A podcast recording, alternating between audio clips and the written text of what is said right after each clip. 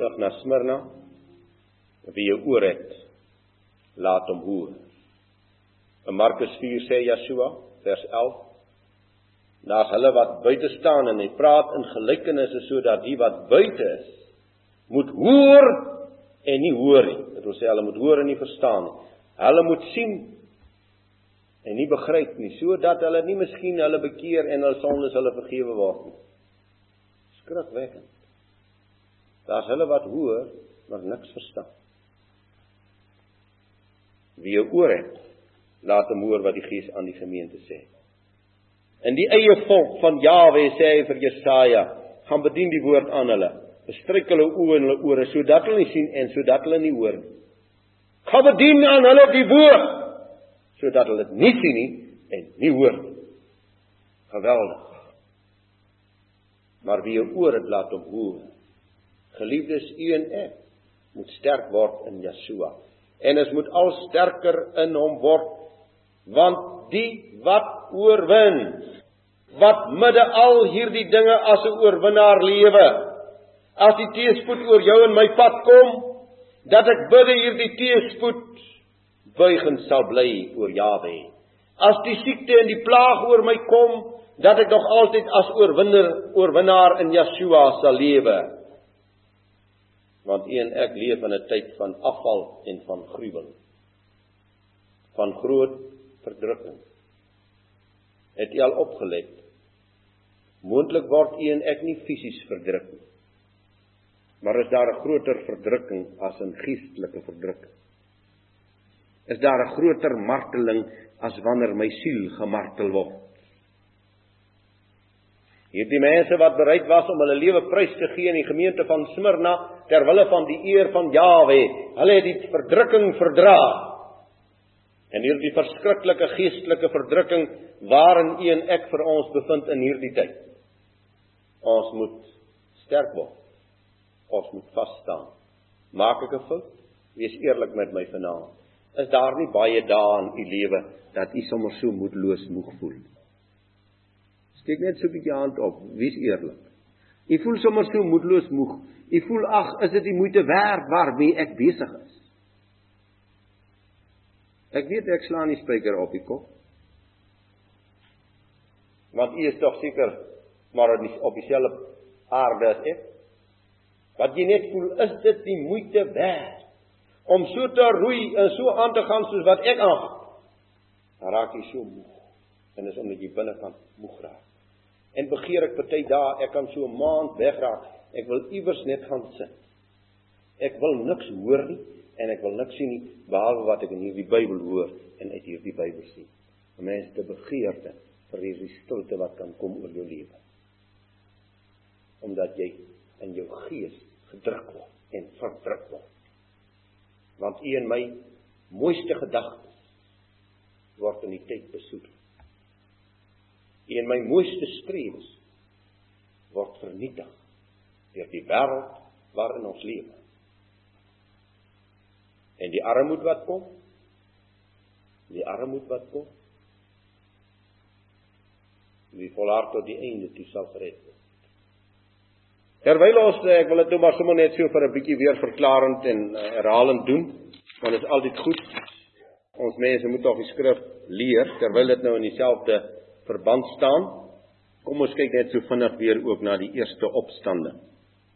Die woord praat ook van die eerste opstanding Openbaring 20 vers 5 en 6. En die ander dode het nie herlewe totdat die 1000 jaar volëindig was nie. Dit is die eerste opstanding. Dit is die eerste opstanding.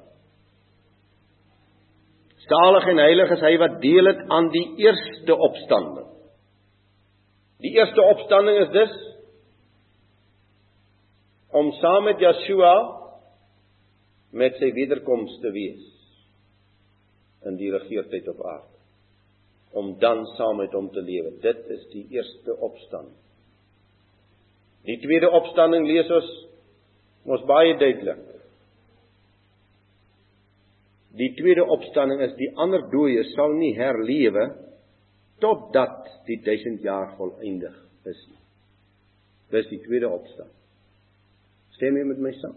Daar staan sommer so bymekaar geskryf.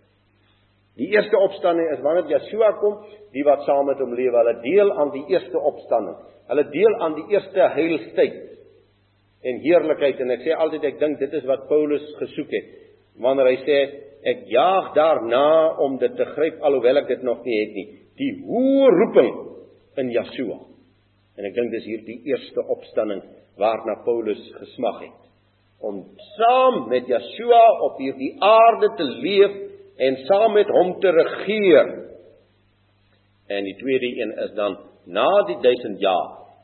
Die ander dode vers 5 en die ander dode het nie herlewe totdat die 1000 jaar volëindig is nie.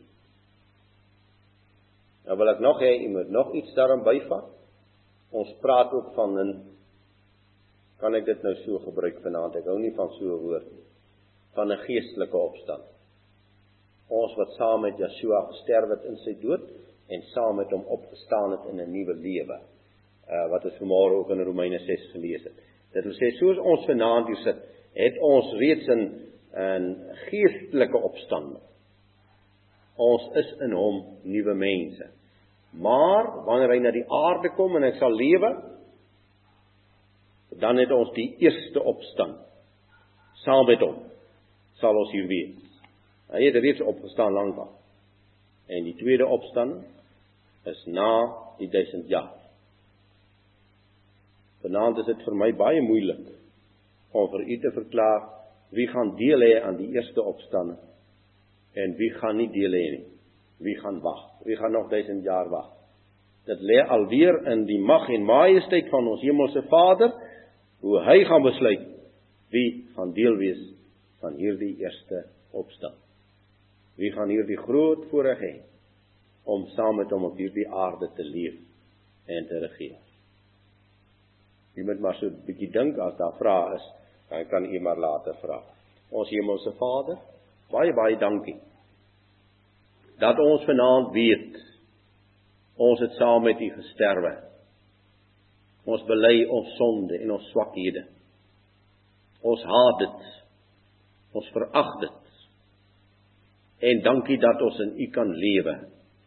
En dat dit vir ons 'n lieflike en 'n wonderlike weg is om in alles hierdie helderheid te hê. Ek behoort aan Yeshua die Messia. Baie dankie dat U vanaand ook deur hierdie briefie aan die gemeente van Smyrna so lank gelede vir ons bemoedig. Dat ons moenie vrees nie al staan die magte van die duisternis oor die wêreld. Al staan hulle gereed om dood te maak wat aan u behoort.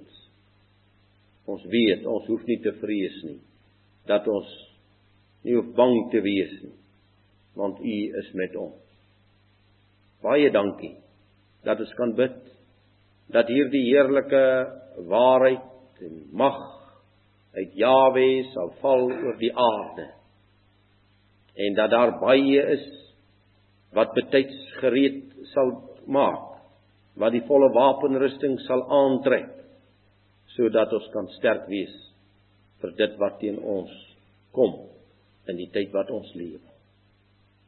Dankie vir die getroue gelowiges wat daar in Smyrna was en dat hulle hierdie magtige woord deurgedra het en voortgebou het.